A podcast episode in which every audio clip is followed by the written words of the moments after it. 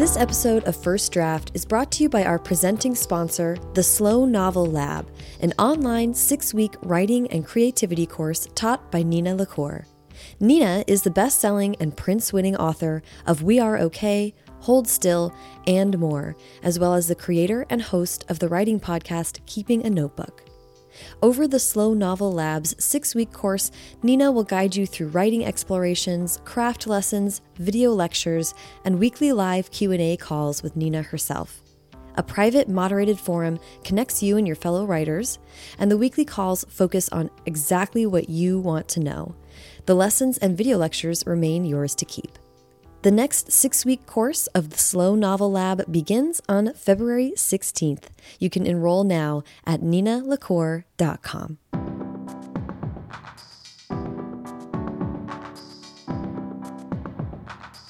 Welcome to First Draft with me, Sarah Enni. This week, I'm talking to Maureen Johnson, New York Times bestselling author of several YA novels, including 13 Little Blue Envelopes, Suite Scarlett, and The Name of the Star. Maureen's latest book, The Hand on the Wall, wraps up her truly devious mystery series. In this episode, Maureen takes on the challenge of talking anyone out of getting an MFA, talks about building a mystery from the ground up, and on the surreality of visiting a movie set based on her book. So please sit back, relax, and enjoy the conversation. Hi, Maureen. How are you? I'm great. Good. Welcome to my hotel room. I, I, am in your hotel room. I am so grateful that you invited me over. I can't wait to chat. We'll be going through my things. Oh, I want to show you some stuff I keep in my suitcase. I love that. I want to see how you pack for, for book tour. Well, book tours, you know, like this is what a book tour looks like. It's you're in a room with a but I overpacked. Mm-hmm. That suitcase is overflowing because you know in book tour you're supposed to bring one small well packed carry on, and I was like, but what if I brought a big suitcase and then overpack that suitcase. what if we did that instead? I did. Did you? I'm sure you did see this, but Roxane Gay recently on Twitter was advocating for your side of things. She was like, "Don't tell me not to check a bag. I'm going to check a bag." Yeah, just check a bag. I mean, if you were doing an event every day that you're landing at four and your event is at 6 mm -hmm. then don't check a bag.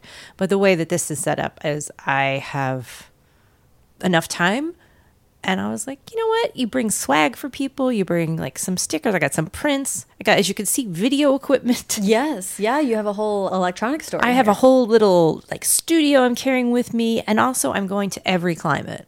I'm oh, going true. to, you know, from here, I'll go to Denver. And then from there, I'll go to like the Philadelphia area, which is freezing. And from there, I'll go down to Georgia, which was so, you know. Wow different yeah. coats, different. I'm just saying, this is the truth of it. I actually like to start my interviews way, way back uh, at the very beginning, which is where were you born and raised? Philadelphia. Philadelphia. Northeast Philadelphia. Okay. specific. As a kid, how was reading and writing part of growing up for you? It was uh, so much of it. I was definitely a reader. I was definitely an indoor child. You know, definitely one of those kids that when playing uh, kickball, the ball would bounce off my head because I would be just not engaged with that. I'm like, I don't know why I have to do this. I don't know why they make me play soccer. Like, there's just no point in that. But yes, I was definitely an indoor child. Were you, I feel like from recent interviews I've read with you, you were reading a lot of mysteries. Yes, I was a giant, giant mystery reader.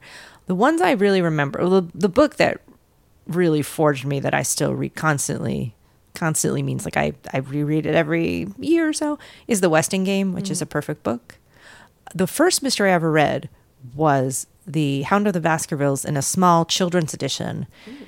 It was the first book I read, like a full little novel. And um, I was telling this to somebody out here in LA, um, a, like a producer I went to go meet with. And I noticed that he had a an Edgar Award in his office. And I was like, You have an Edgar Award? And he was like, It was my grandfather's. He was like a pulp author, pioneer. And um, I was telling him about this little Sherlock Holmes book, which I have not seen since I was a child. And he turned around and whipped a copy of it off his windowsill. Whoa. And I like burst into tears. I was like, oh my God, this is the exact book. And I was holding it again. I could remember every picture, every line, every drawing, wow. every. I just dug out a pile of books from our attic of books I had when I was little, and it turns out there was another mystery series that I I didn't I thought they were library books, but they were mine, and it was called Something Queer in. So the one I loved was called Something Queer in the Library, and it's these two girl detectives, and the drawings. So I got this book down, and I, as I flipped through, I realized how much I had internalized all of the drawings Wow. and that they were so embedded in my memory like it was like i could feel the drawings like it, it makes me kind of go oh there's gwen tapping her braces like so but they were all mystery books. They were encyclopedia Brown. So you flip to the end where it was always bugs meany. But how did bugs meany do it? And how did an encyclopedia know? Lame. In retrospect really lame answers. Like the one i remember was so encyclopedia brown if you've never read it he's a boy detective and he runs a detective agency out of his garage and he you pay him a quarter for a case and he solves your case because every crime is done by this local kid called Bugs Meany. And I think the first hint is that his name is Bugs Meany. And the second hint is that it's always him. So you get to the end of the little mystery, which is like six, seven pages long, and then it'll it'll say, How did Encyclopedia know the bugs did it? And then you have to figure it out, and then you flip to the end. So there's like an answers in the end section, which was just so great. And the one I remember was Bugs Meany committed some crime in a you know like a cafe, like or like a little ice cream shop restaurant. And the reason Encyclopedia knew he was lying was because Bugs said he got a hot dog with sauerkraut and then mustard on top, but you don't put mustard on top of sauerkraut. And I was like, wait a minute, that's not a real solve. Get the hell out of here with that. Not every kid grows up loving mysteries. That's a very particular kind of book and kind of structure. It's almost more like interactive. Yes. But Did, did it serve that role for Yes, you? Were you I. Um, there's another series called Herewith the Clues that I got a little bit later, and this series was originally published in the 30s. So these aren't like novels. You can I'm holding up my hands, but you should see it's a book about. It's more like an eight by 11 Mm-hmm. so it's like a bigger book, and they're hardcover. And what they are are dossiers. So you get like a, and it's all photographed copies of police reports, letters, photographs. It's the- there's no the- story. The case information. the case information, and usually any story comes through like uh, witness statements or police statements. So the first letter be like, "We are referring this case to," but it's all from the 30s, and it looks very cool and photograph. One, you get an entire newspaper inside of it, and this then sounds like a dream. yeah, I want to make these. Yeah. Uh, truly. And then you get to the end, and the solution file in the back is sealed.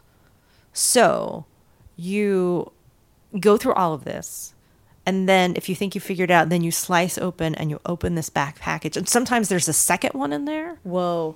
that's like, stop, you know, how do you know, blah, blah, blah, blah, blah. And then you get to kind of go through the things again because there might be additional evidence. And then you, yeah, they're so good That's a really there's cool concept. only four of them i have them all like I, I got two when i was younger and then i found two used ones like from old booksellers and i'm so sad that there are no more like i would gladly make i've thought about making these because they're so cool so grew up, loved reading, indoor kid, reading Yeah. all the time. What about creative writing?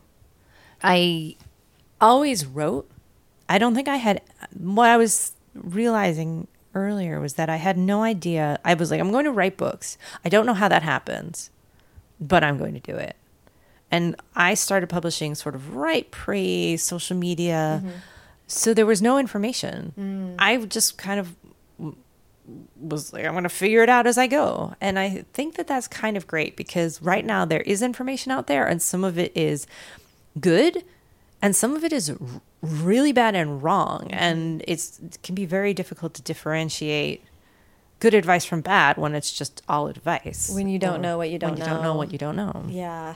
So you mentioned, well, I'm interested in this because, as you mentioned, you were sort of not, or at least from what I can tell, it didn't seem like you were pursuing writing novels right away because you went to study theater. I was though because I applied to graduate school. So when I was done, my degree was in technical writing. And I got these degrees in kind of technical writing, rhetoric, and nonfiction because I was like, well, I can, I just want to be able to write everything mm-hmm. so that I'm always using writing as a way of doing the thing I want to do in order to like get where I want to go. Mm-hmm. And I was a theatrical dramaturg, which meant I was basically a I was the person who helped get the a new play up or with an older work, kind of do the research around how it might be staged. Mm-hmm. Uh, I'll work with the actors, um, but I did a lot of work with new playwrights and new pieces. Mostly, what I did was um, break up fights between actors and direct, or a lot of directors.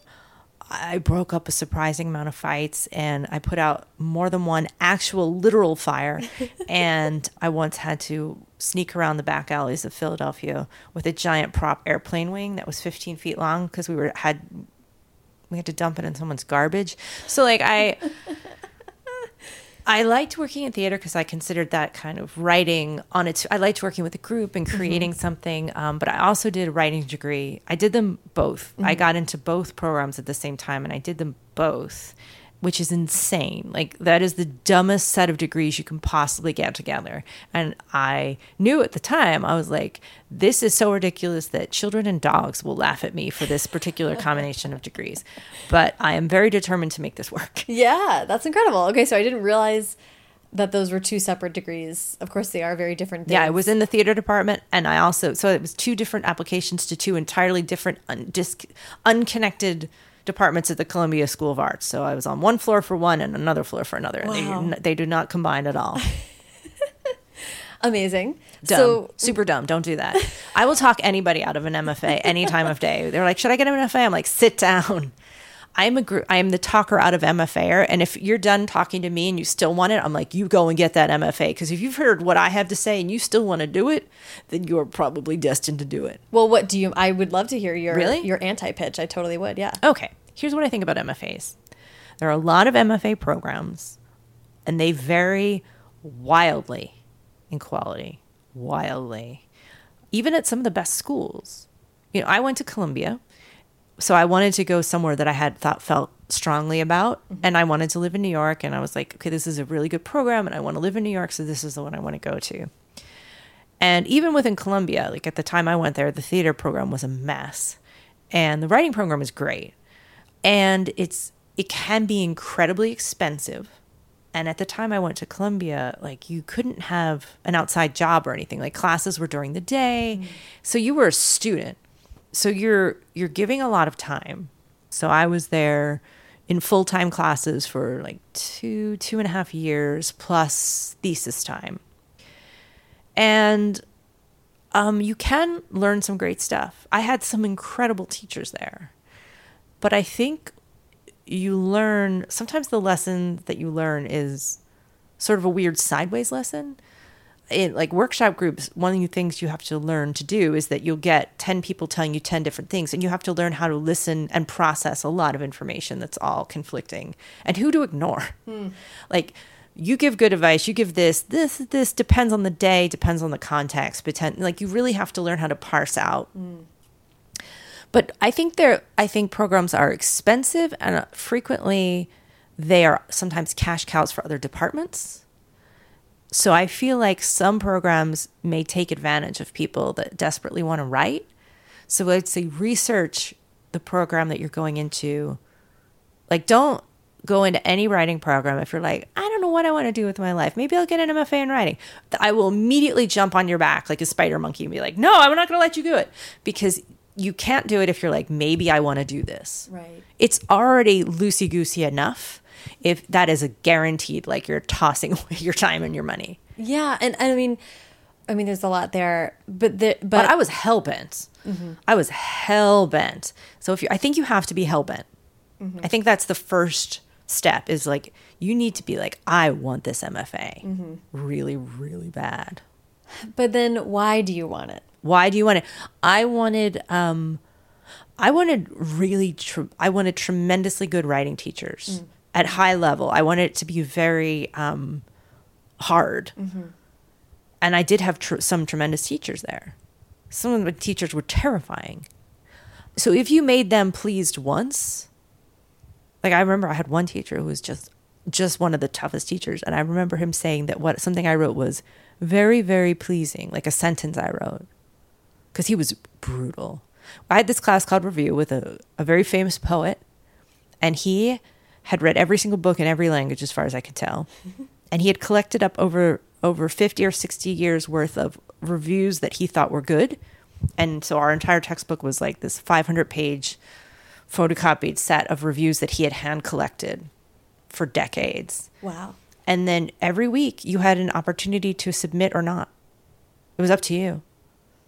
You could turn in a piece every week, or you could turn in, like, you had to do it at least twice, mm-hmm.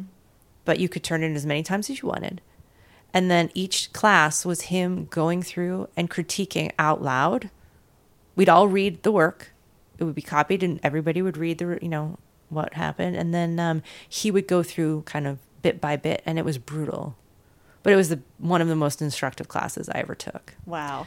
But I would definitely say be careful of ones that are going to end up costing you a lot of money. I think there's some good ones now that are more flexible where you can study at home Yeah. and then you kind of go in for a couple weeks and do an intensive. I like those a bit more. Yeah, low residency. I think the low residencies have a lot to recommend them because a lot of time you're going to be spending working on your own anyway. Right.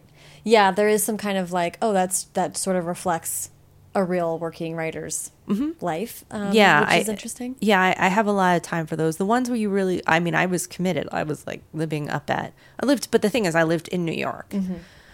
So, um, you know, I, in theater, we weren't supposed to have any outside job. And in writing, you know, you could, but there wasn't really much time. But like, I also, I just picked up work. I worked as an editor. I worked as this. I worked at that. I worked as a waitress. So I was living a whole New York life while I was Yeah. doing this. So That's, that sounds like a busy it was, it was busy. Yeah. It was definitely busy. But that's how the sausage gets made. so when you were when you were at Columbia, when you were pursuing your MFA, were you, was novel writing the goal, or were you doing short stories? I was or- doing nonfiction. I wanted to be kind of a nonfiction essayist, and that's not. I'm still very much part of my future plan. And I was working on a. I was working on a totally different project when I kind of when someone sidled up to me and said, "Do you want to try writing for YA?" And I was like, "What's that?" I wanted to write more like comedy, Oh, interesting. um, like uh, like sort of like David Sedaris type, Got it. Kind of personal essay right? so you were you were in sort of the maybe Dave Sedaris mindset. Mm-hmm. And if I if I have my research right, the person that suggested you write YA was your Agent. friend and current agent. Yeah, so I moved to New York with my a friend from my undergrad from University of Delaware, my friend Kate, who is my agent. She was not an agent at the time. She we moved to New York together, shared an apartment, like you know, we all a bunch of us all crammed into an apartment and went off to our respective things during the day. And her first job was at a, a publisher. And then she got a job at um, a big agency, very incredible agency called Janklow and Nesbit. And she kind of worked her way up through the ranks. And she saw YA coming down the pike early. I was gonna say that's like very prescient. She well, she yeah, she knew, and she was like, "I think that you'd be great at this," and I was like, "You are wrong," because I could not do anything when I I was never allowed to do anything when I was a teenager. Anything. No one has fewer stories than me. No about one. being an actual teen. yeah, like I didn't do anything. I wasn't allowed to do anything. And I wasn't even I wasn't allowed to drive. I wasn't allowed to go out. I, you know, I lived far away from where I went to school. I went to school in Philadelphia and I lived in the suburbs. So I was like I was basically just do, you know, noodling around all the time and um trying to dig my way out. And she was like, You can. I know you can. And it turns out that that's a really great background to come from because that is what being a teenager feels like. Totally. Yeah. How do I get out of here is a good model for writing for teens. So when Kate suggested YA and you responded with I have no teenage stories. to I have no teenage stories. What how did it how did you move forward from there? She was like, the first thing she had me do was um, see if I could do part of a pitch for like a series book that was already like you know one of those series that appears to be written by one person, but it's actually written by like a conglomeration of authors, and to see if I could do a little sample for that, and I got mm-hmm. that job. Okay. and then it all happened really fast. It was like write a pitch for another one. And so I started writing all this stuff and all of it got picked up. All of it at once. So I got the series stuff, then I got a three book deal, then I got a two book deal. So I got a five book deal. And so they took me off the series stuff. And this all happened within like a couple months. Wow. Okay. So suddenly I was on the train. And Kate was was working at your agent She was working as your agent. she wasn't working as my agent because she was not an agent. Oh, okay. So we kind of, I forget, I forget how we what actually ha- transpired with that.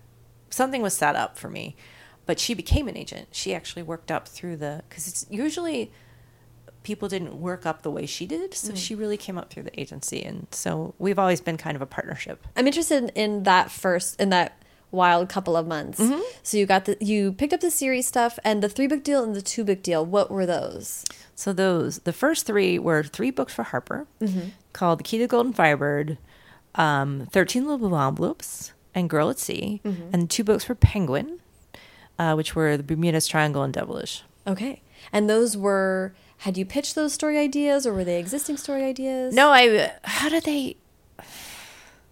Key to the Golden Firebird was an existing story idea, and we kind of went on from there. Mm-hmm. But it was always it was me all along. But yeah, it was. Uh, Key to the Golden Firebird was an existing story idea that I kind of transformed around and put set actually in my Philadelphia hometown and. And 13 Little Blue Envelopes happened when I, I applied for and got this super weird fellowship to go to Scotland. But beyond even just Scotland, Mm-hmm. like I feel like what you're describing is like in a matter of months, you went from writing something for your friend Kate on a dare to then having five books under contract. Yes. Which that must have been like what the next five years of your life lined up with deadlines, or was it Yes. quicker than that? It was a little bit quicker than that. It was more like four. and coming from MFA program Mm-hmm. to then all of a sudden having to sort of produce full novels at that clip, like what was that transition It was bananas. But I will say that right before I went to my MFA program, I put myself on a self regulated writing school that I made up for myself. So I worked during the day, I worked in an office. And at night, I worked as a, the literary manager of a theater company. Mm-hmm. And so the way I did this was I did no work in the office. I just wrote all day long. Mm-hmm. So I would like write on the train on the way in. Then I would write at my desk all day. And then I would like go to my theater job and then work from six until 11 or 12 or 1 in the morning. And then by then I had a car. I would drive back. I was mm-hmm. falling asleep at the wheel and I was just going and going and going. But I would write f- like four to eight or 10 hours a day. You know, I would just write something as a novel, then I would rewrite it as a play. And it wasn't for consumption, it was just to like go back and forth between play structure to to this structure to that structure to this like so Interesting. I just put myself through the paces. Mm-hmm. And that's how I produced like a portfolio mm-hmm. to get into writing school. And you know, you go through that oh. phase where you're like, I'm not no, I'm never gonna be good enough. All these other people are better. And I'm like, no, you just you put in the time and like it, the I think I needed the MFA to feel more legitimate. Mm. Because I mean I don't come from a literary fa- like I don't come from a like an elevated background. You know like I don't like I have a lot of relatives in jail for stealing plumbing supplies like more than one. I was like who am I? I'm just some kid from Philadelphia. Like I don't know how books happen. Mm-hmm. So I guess I have to go to this fancy school. Yeah, there's a lot, and I feel like we hear this with women more often mm. as well. That there's like, who am I? Well, and some need for kind of validation or like, uh, because that gives you permission. it gives you permission and i was like and also i was like well clearly if i get into this fancy program i will learn many many many fancy things. And you know i did learn some stuff. Was it worth all that? I mean i wouldn't you know what? I'm glad i did it because of the way i came out of it. Like the mm-hmm. way I, the lessons i kind of learned were like some of this is bullshit. Mm-hmm. And this here's another big thing i have against mfa programs is that or the one I went to, they did not teach in any of these programs about the business of writing. They seemed to be completely against it. They didn't teach the theater people how to get into theater, and they didn't teach the writing people how to get into writing.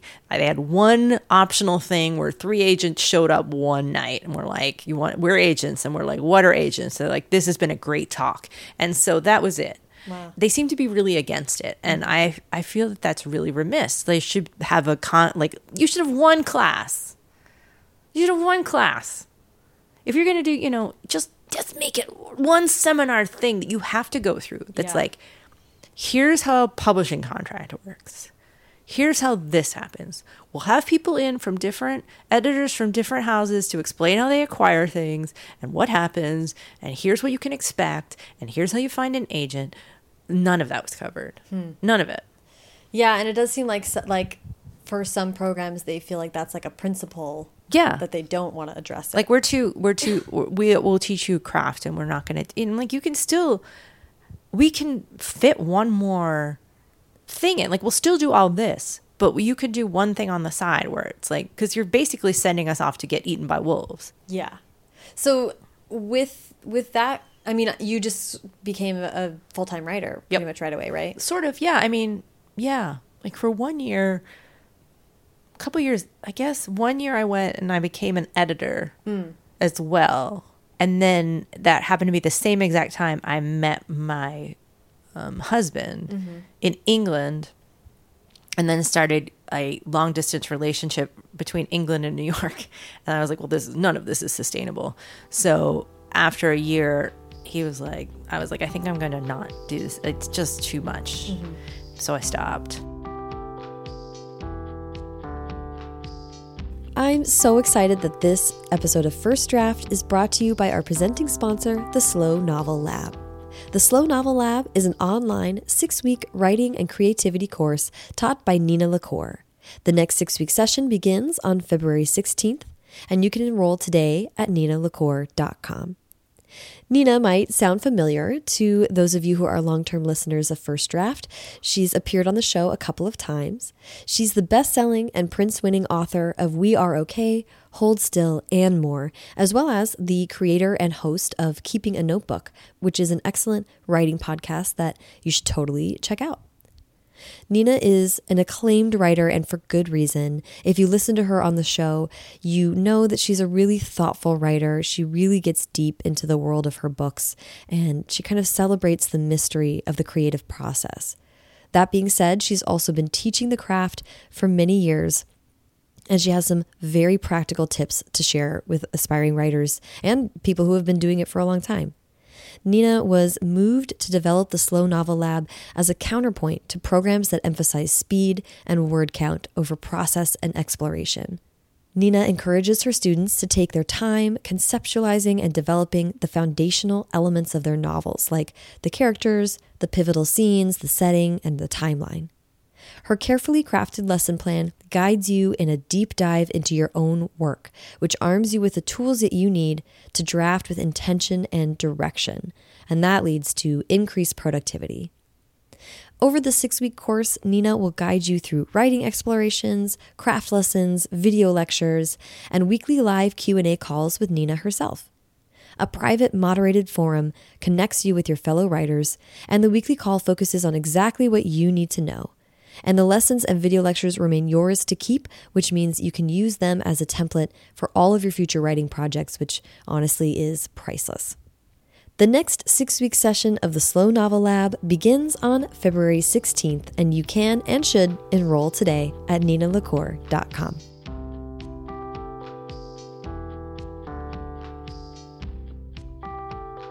So I want to ask about writing and and community and writing friends, because as you mentioned, um, you started writing YA when it wasn't the YA that we know today. There wasn't like the social media. There wasn't.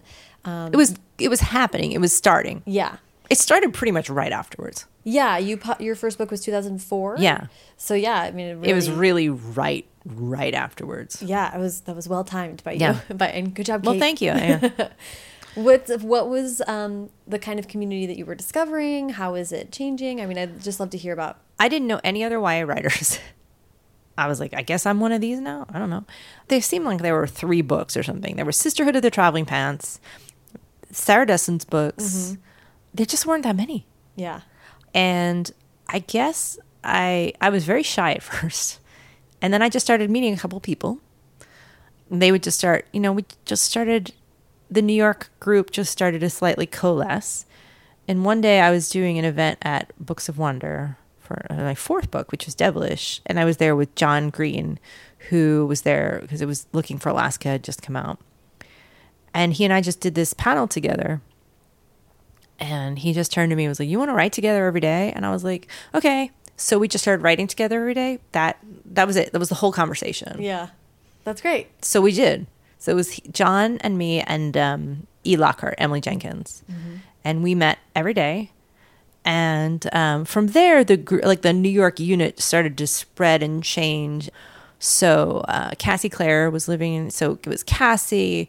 It was Robin Wasserman. Um, then if Holly was in town, Holly would come. And so my YA world, Scott Westerfeld, Justine Larbalestier like all you know, it was a, a whole group of us that, that would expand and contract and meet, usually in the same like three places. If we moved, it was a big deal. So like and that has how it all just started like and then we would meet like it was our job like we would just kind of all turn up at like nine or ten or something and mm-hmm. take our seats and they got to know us you know those are our writers they come every day there and a lot of people sadly moved away from new york but right. i'm still there like all those people moved away except for maybe one yeah, Emily is still Emily's there? still there. Scott and Justine are partially in New York and partially a lot of time in uh, Australia. Mm-hmm. Um, Robin has abandoned me for LA. Cassie and Holly live up in Massachusetts. So like you know, we get a little more scattered, but um, Cassie does a lot of writing retreats, and mm-hmm. so we tend to gather. Well, I, I want to, and I I want to ask about that because, I mean, I love that you guys met and wrote together and held each other to some degree of accountability. Because you go crazy sometimes otherwise. Yeah, I mean, I'm I'm with you. I like reading. I like writing out of the house, mm. and I like writing at coffee shops where there are things to be distracted by. And I like writing with other friends. Not everybody can do that, of course, but I like that you guys sort of banded together and, and created a world for yourselves. I think that's really nice. Yeah. I mean, I'm back to writing at home um, with my dog. But yeah, it's, you know, it's, it's, it's changed over the, like it, it, it ebbs and it flows. Mm -hmm. But that's the thing because you kind of can pick up and go and do this job in many different circumstances. Yeah, which is a part of the beauty of it. Yeah. But not only were you writing with people physically, but mm -hmm. you mm-hmm. were writing also, you've contributed to writing with a lot of mm-hmm. friends. Mm -hmm. You've done anthologies and mm -hmm. Let It Snow, I want to ask a little bit about. And then you've also written in Cassie's World, which is mm-hmm. so interesting to it's me. It's super fun to do. Yeah, I want it. So, so I'd love to just to hear about that, about collaborative writing and how that's worked for you. So the I've done three collections that are part of the Shadowhunter world. And the way those came about, the first one was the Bane Chronicles, which is about Magnus Bane. And it happened because when we go on these retreats, we often allot days to helping each other workshop story problems or things. So we really we go and we write, but we also have a lot of time dedicated to somebody talking through their plot and kind of working it out together. And it was based on a bunch of jokes about what could happen to Magnus. And we just started throwing out, it was us joking about stuff. And Cassie said, Well, why don't we, you want to do this? You want to make a, a short story collection about like these things could have actually, you know, and we said, All right. So we did it. I mean, it was that simple. And then, um, then we did another one and then we did another one. Like the second one is called, um, was the Shadowhunter Academy, and the third one was um, Ghost of the Shadow Market. So, and that's really fun. Also, there was a lot of background work because I remember for all of doing all of Cassie's books, it was like you'd have to definitely know that trilogy inside and out, and so it would be like two thousand pages of reading and note taking and making char- like notes on I had like dossiers of what Magnus wore and did and where he was at, and so yeah, I was gonna say that's not a casual world to dip a toe into. No, you have to really. I mean, I'm familiar, but then you have to really go back in and really nail the details. Yeah, read it like an academic almost, and yeah, get into the Bible of it. Yeah. But was it? I mean, and interesting that you that you've been sort of involved in helping Cassie build the world or plot things, or so it so I mean, I guess I'm asking if it was like intimidating to try. No, I mean, because it's she's my friend, and I met her even right before the first book was out. So I've I've known these books. You know, it it, it feel she's easy to work with too. Yeah. Like it's it's just fun. So I love that. So we kind of she was like, "What do you want to write?" I'm like, "Well, you know, I know a lot about." Jack the Ripper. I'd like to do something that was like Whitechapel based. And she's and we talk about that. And she's like, that's great. Let's do something that's Whitechapel based, or let's do something that my stories tend to reflect stuff I'm interested in, or mm-hmm. stuff that I wanted to do one about uh, Marie Antoinette and the royal family trying to escape from Paris, and like that the actual story was that you know the shadow hunter element that was helping them escape from Paris, and ooh, I love that. It reflected whatever my interests were. Yeah, that's so great. And and what about Let It Snow? Because I want to ask about that and kind of having that kind of come back into your life and recently. Yeah, it came. We were all surprised. Um, so Let It Snow was. This was, I guess, 2008. That Penguin came to us and said, "We want 2009. 2009. We want to write. We want a Christmas collection." And John called me and was like, "You know, Penguin would like this Christmas book. Would you like to? You know, you want to be? Do you want to do it?" And I was like, "Yeah, I love Christmas. Let's do this thing." and it was supposed to be three separate stories Mm-hmm. with Lauren, Myracle, John, and I. And we thought, well, why don't we do something different? Why don't we do something that is the same town and it's a series of days and it's some of the we'll each have our own set of characters, but we'll weave in and out. We just thought that was more interesting. And we just talked about it. I remember because we all lived in different places. So we talked on the phone about what we wanted to do. And a lot of it was the process of we figured out I was going to go first, John was going to go second, and Lauren was going to go third. So I got to do all the setup and getting everybody to the town mm-hmm. and showing you the town. And then John had this whole kind of intertown thing, and then Lauren's was a different set of characters at the end days and sort of the aftermath. Mm-hmm. Her characters were dealing with the aftermath of a bunch of Christmas stuff. And so what I got to do was put in a lot of stuff that John had to deal with. And that so we were basically just trying to make each other laugh. I'm like, here's what I'm putting in my story. I'm getting all these people to the Waffle House and we're doing and then he had to pick up whatever ball I'd thrown down. So a lot of it was us just us passing stuff back and forth and just um, messing with each other That's in so a fun, fun. way. So That's really fun. I like that. And then I kind of want to, um, you know, you've written so many books, so we're going to kind of like fast forward. Let It Snow kind of came back. Let It Snow came back. How did the how did you hear that it was actually going to go? it has been going for a while.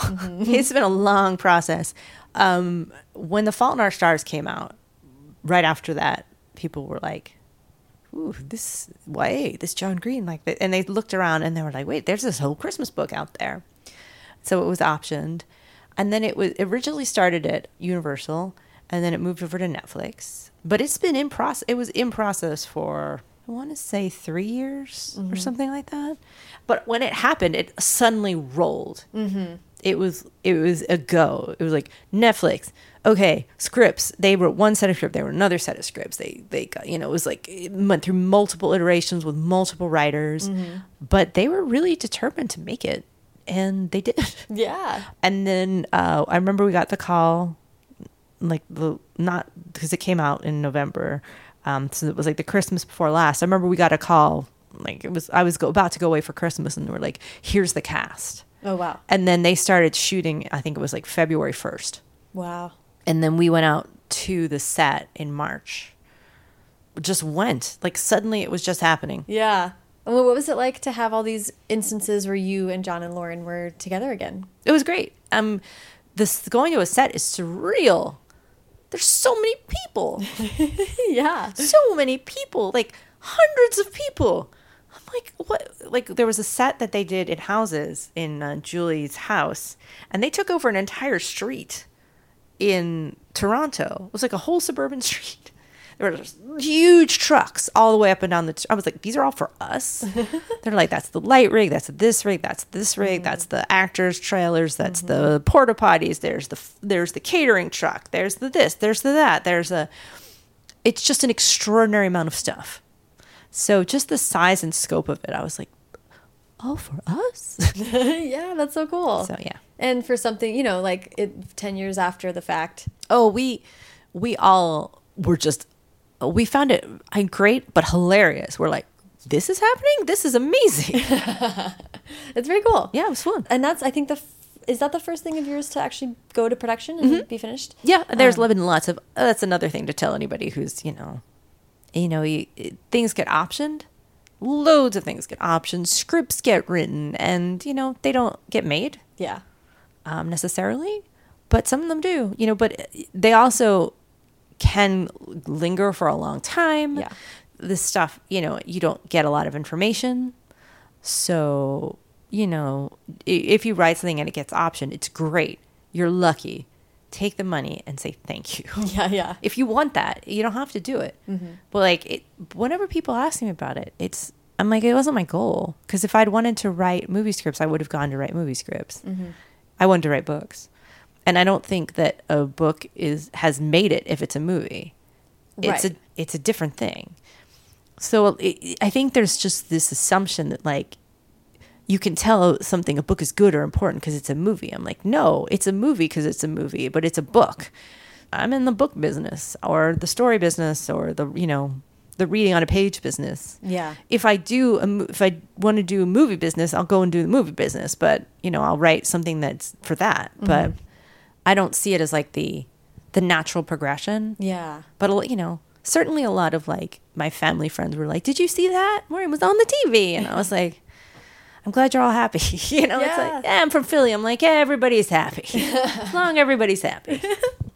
Okay, I want to talk about the Truly Devious series, um, including the hand hand on the wall is the book that came out today, book birthday Do-do-do. for Ha- the hand on the wall. Um, but I want to talk about coming back to writing mysteries. Mm. How did you? First of all, actually, do you mind pitching this series for us? So, Truly Devious series is a three part mystery. It's a trilogy. It's about a girl named Stevie Bell who wants to be a detective. She's obsessed with true crimes and mysteries, and she wants to solve cases. Specifically, she would wants to solve one of the 20th century's most infamous cases, which is the uh, the Ellingham affair. So the story is told in two timelines. In the 1930s, so you see a, a crime that took place in the 30s and the present day. I do realize that this this book sometimes does not lead itself to a kind of elevator pitch. I have to say, well, it's got two timelines. In the 1930s, there was a very famous uh, man named Albert Ellingham, who was a tycoon, one of the richest, most powerful men in the country. And he made this school called Ellingham Academy, and he, he built a house there. It was this wild, wonderful academy where learning was a game. And his wife and his daughter were kidnapped. And a student from the school was murdered on the same night. And his wife was found dead. His daughter was never found. And um, it became one of these great crimes of the century unsolved. And stevie bell wants to solve it.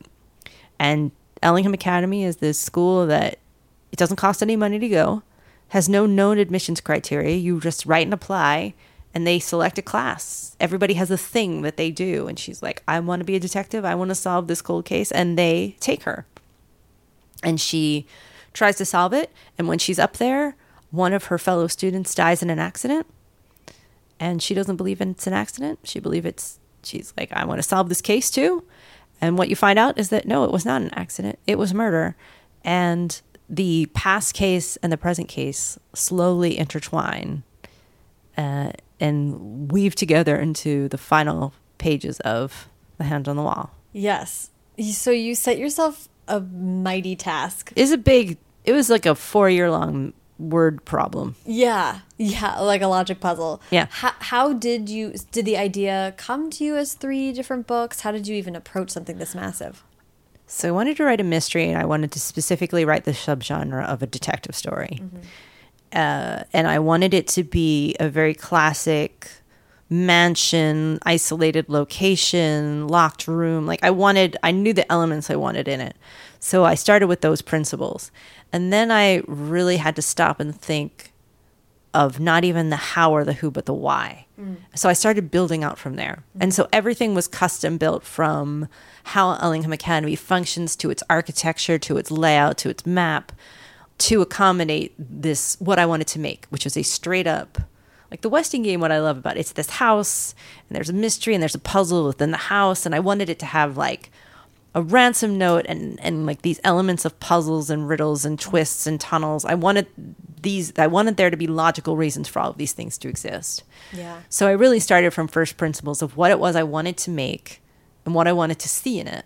And then I built out slowly. So it was a lot of planning. It was not a book that was written by the seat of the pants. It was a very carefully constructed um, I wrote all the solutions. The solutions were in a file from the beginning because with the mystery, you really start with the end. You start with what happened, and then everything else that spirals around it. It's further out in the story. So um, it was a lot of planning, a lot of notes, a lot of post-it notes, occasional spreadsheet, planning. So many planning, so many organizers. Yeah, I mean it's that's and that's that's exactly what I meant by by big task is that mysteries are such a specific beast. Did you have Stevie as a character? Yeah. right from the get start. she kind of got shaped by because Stevie is a true crime mystery obsessive. She's like a very indoor person. She has a very specific want. She wants to solve a crime, mm-hmm. but she realizes that's a difficult thing to do when you're 60. You don't just get to go out and be a detective. So she goes to a place where she can be a detective. She likes true crime podcasts. She likes, you know, she likes all the stuff I like. She's got anxiety uh, disorder, uh, not disorder, just anxiety. Like I put a lot of my own experience in there, and her anxiety is not it's not a draw it's just part of her life mm-hmm. so she's just got it and she has to kind of develop some workarounds to deal with it mm-hmm. and because i did that so I, I and i think that one of the things i did to deal with anxiety was you know you you really concentrate on a problem or listening to something and she i think that's what she does so i think i took a lot of my own personal experience and, to make her i mean i love that you got to to put so much of yourself in Stevie, it feels kind of special to have a book that's about. I mean, you talked a lot about you haven't written a true mystery until this series, I think.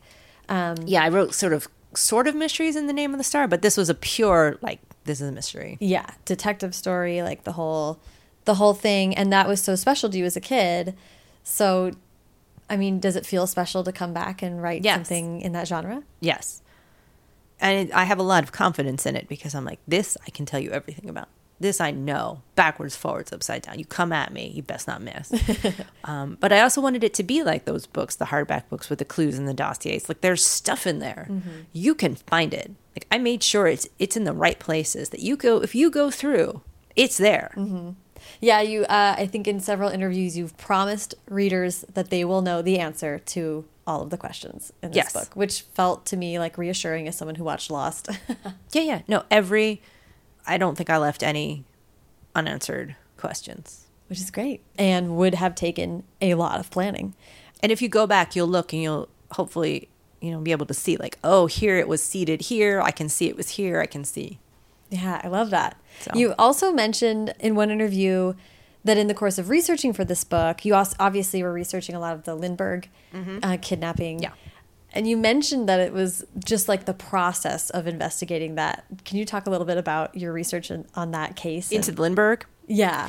So, in case you're unfamiliar, this is the reference to the Charles Lindbergh was a famous aviator. He was basically the most famous man on the planet because he was the first man to fly across the Atlantic. I mean, he was a he was a worldwide superstar. Mm-hmm. trying to think of like the equivalent of who we'd be talking about now. Like Beyonce. Yeah. Like that kind of worldwide fame. And he not a great guy. Not a great guy, really into eugenics, as it turns yeah. out. But uh, at the time, I don't think people knew about that. And um, he had a little son. Like they were this idyllic, perfect little family. Everybody loved them. They lived in New Jersey in a beautiful house. And one day, um, they were in the house just hanging out at night. They heard a little bump, but they were like, "What's that?" And they went up to check on their son, and he was gone. And there was a weird note on the windowsill, and he, the baby was gone. And there was a weird ladder outside on the property um, but it was a ransom note, and it was the biggest case in the world. And everybody was looking for this baby. Everybody was looking for the Lindbergh baby. And uh, it turned into this crazy series of ransom demands where this guy, this random guy, became the go for go between and meeting with various people in graveyards and and, and Charles Lindbergh f- followed every lead. He literally like flew around because he was a pilot and he would fly around look following leads and eventually the baby was just found in a field. Like the baby was just found dead. He had probably fallen during the kidnapping oh. and he had a head injury. I didn't realize that. He'd probably died on the night of the kidnapping. They may have dropped him when they were climbing out the window. Uh, so it had this terrible tragic end but he he had not been he had not suffered a prolonged period of time. He right. had been gone from the beginning but ransom money had been paid, and they eventually arrested a man named uh, Bruno Hauptmann, who was a, was a German immigrant. They found some money in his house. They found one of the fascinating things they one of the people that helped on the case was a guy whose specialty was wood. He was a wood professor, and he was sent some of the wood of the ladder. And he looked at it. And this was before any of this ever stuff ever happened. And he figured out what type of wood it was, and then he like went and he figured out where it would have been cut from and then what factories would have like been sawing what sawmills would have had it. And he managed to trace back all the way to figure out what sawmill would have produced the wood um, load that produced this particular wood that became this ladder Yeah. it was nobody had ever done anything like this ever before so that was just fast like that this guy comes out of nowhere he's like i'm assigned my specialty is wood I'm going to follow the clues. and he and he puts it together It was a written interview, I think, where you were just talking about like, this is not like how what happens when there's a crime scene today. Like, oh people were just walking all around and there was a note on the windowsill and like nobody literally people just tramped all over the ground wandered throughout the house moved stuff. You know they found the the the the ladder in one place they moved it to another. Like people were sightseeing. Like it old crime scenes are just a nightmare in terms of people wandering in and out picking stuff up going through the below you know. It's just like not police, like, it's there were the no lack of procedure. there were no procedures like it was just, just it was all kind of new and strange and also what were they going to do with the information Right. I mean, it's just it's interesting to think about you have you doing these two timelines and doing this research into like in almost anything goes and this kind of uh, retro. well you get a lot of good clue stuff you can do because all the clues are things like pieces of paper pieces of wood it's not like you just swab for dna and Right. although i don't think I think actual crime solving is a lot of like a lot of paperwork and patience and talking to people and but you get a lot more tangible clue and I wanted to set into a time that you could get tangible clues. And in order to be able to solve a case in the 30s I had to be able to create bits of evidence mm-hmm.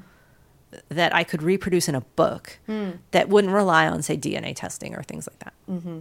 Which is an interesting challenge in so it was itself. like it was about facts and words and things that you could link t- you know that you could piece together Yeah. And I read somewhere that you said, I mean, I'm so excited for the story to end and that this is like an achievement for sure. I have three books all conclude Yeah. one major, well, two major interwoven mysteries. But I read you somewhere saying that you would never write a trilogy mystery again. no because it is breaking the rules of mysteries like you really should get a mystery all in one mm, mm-hmm. So that's why, not because it was so challenging. no not because it was challenging but because i think that i'm glad i did it the way i did because it really sets everything up it's sort of like one giant giant long book Right, right. but in the future ones and there will be future ones Yeah. they're going to be one like mist like a book mystery like a, Like a normal or, yeah Yeah, yeah. Um, that's very cool. And that's exciting that there's going to be more. Um, I feel like mysteries. Listen, I saw Knives Out, so such a good people like we love it We love it. It's something very gratifying. yes Also, this is why I think, you know, partly why we turn to fiction is like the world is full of chaos and we don't know if we're going to get answers to a lot of the questions we have right now. But in a mystery, I feel certain that someone will be held what- responsible. that's what they're for, and I think that's what they came out of. The the real mystery genre comes between the the world wars. The Mm. world, everybody died. Mm-hmm. There was a war, and everybody died. Everybody had death and like bombs and loss and and then fighter planes overhead and rations and fear. And what comes out of it is this giant like country house, you know, mystery satisfying puzzle genre. yeah. Yeah. It definitely makes sense. And it feels very, I don't know, I'm glad you chose the big mansion and all that stuff. It's just very like, it's still very I want my I want my mansion. Yes. I will say that the setting for the next there is going to be another Stevie Bell book. The setting is very also a different, very satisfying setting. Amazing. Okay, good. Well, I look forward to that. Well, I like to wrap up with advice. Um, you've already given so much amazing advice, but I guess I'd like to, I don't know, I mean, I'd love to hear your thoughts on someone that's getting into YA now. It's gone through so many changes, but for young aspiring writers, what do you counsel them? I don't really know. Don't take advice, I guess. Um, a lot of times that's it. I'm like, don't. If someone tells you that this is the way something gets done, like this is the way it happens, do not take that person at their word. Like, you know, books get written in the way they get written. Everybody writes a book. Everybody writes their books their own way, and then they also individually write their individual books their own way. So if anyone's like, this is the way you write a book, disregard that is not the case. Like it may, your mileage may vary Mm-hmm. wildly, and there's absolutely, positively no one way to write a book. Never ever listen to anyone's like it should. It needs to take you X Y amount of time to write a book. You have to be able to do X no, number of words in it. You have to be able to do X or no, no, no, no, no, no. Disregard. People who have like specifics. People that have specific things that they think are the only way that they are, that is wrong. Yeah, they're they're probably selling something. Or they just don't have that much experience. Yeah. Like they're like, well, I, you know, it's it's like someone's like, there's only one kind of food, and that food is pancakes. You know, it's like, no, that's not the case. Yeah. It's just that maybe you don't know that there are other things besides pancakes, but mm-hmm. it's it's that absurd. Yeah. It's yeah. literally that absurd. And what about someone looking to write a mystery? Where do you, where would you suggest they What do you begin? love? What do you love about mysteries? What do you love about mysteries? Like, what do you want to see in the mystery that you love? What kind of are you? Are you a police procedural? Are you noir? Are you, you know, what do you what what ones do you like and why do you like them? Mm-hmm. Just pick that apart. Yeah, and but be and be methodical. Yeah. I mean, it's a very specific kind of. It's a very and- specific kind of planning. Yeah. Well, thank you so much for sharing all your Thank you. Maureen. I appreciate it so much. Thank you so much to Maureen. Follow her on Twitter at Maureen Johnson and on Instagram at Maureen Johnson Books. And follow me on both Twitter and Instagram at Sarah Enni and the show at First Draft Pod. For links to everything that was discussed in this episode, check out the show notes, which are available at firstdraftpod.com. Handy tip if you want to help support the show, you can go to those show notes at First Draft Pod. And if any of the books or movies or TV shows or anything that we mentioned on this episode strikes your fancy and you want to purchase that thing, if you make the purchase through the link on the show notes, part of the proceeds comes back to First Draft and it helps keep the podcast free. And it's very appreciated by me. Another quick and easy thing you can do to support the show is to subscribe to First Draft wherever you're listening right now. And if you have a couple minutes, you can go over to iTunes and leave a rating or review there. I'm going to read a recent five star review that was left on iTunes. This review was left by Ashley Renard. Ashley says, Just what I need, five stars. As a lifelong skating coach and choreographer who recently left that arena to focus on my writing, I love Sarah's discussions with writers. I feel so encouraged and informed. Thank you for bringing these great minds together, Sarah. That is so sweet. Thank you so much, Ashley. Um, holy cow, a skating coach and choreographer. That is awesome. Uh, I'm sure you have tons of amazing stories, and I want to read them. So please keep writing. And thank you for leaving that review. You know, in the great mystery that is the iTunes algorithm, we know that ratings and reviews really help get the show in front of new listeners, um, and that's very appreciated. And if you have any writing or creativity questions that you'd like me and a future guest to tackle in an upcoming mailbag episode, please call and leave that question at the voicemail box at 818 533 1998.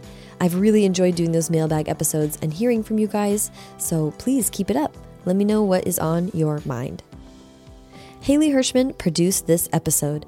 The theme music is by Dan Bailey, and the logo was designed by Colin Keith. Thanks to production assistant Tasneem Daoud and transcriptionist at large Julie Anderson. And as ever, thanks to you, Teen Sleuths, for listening.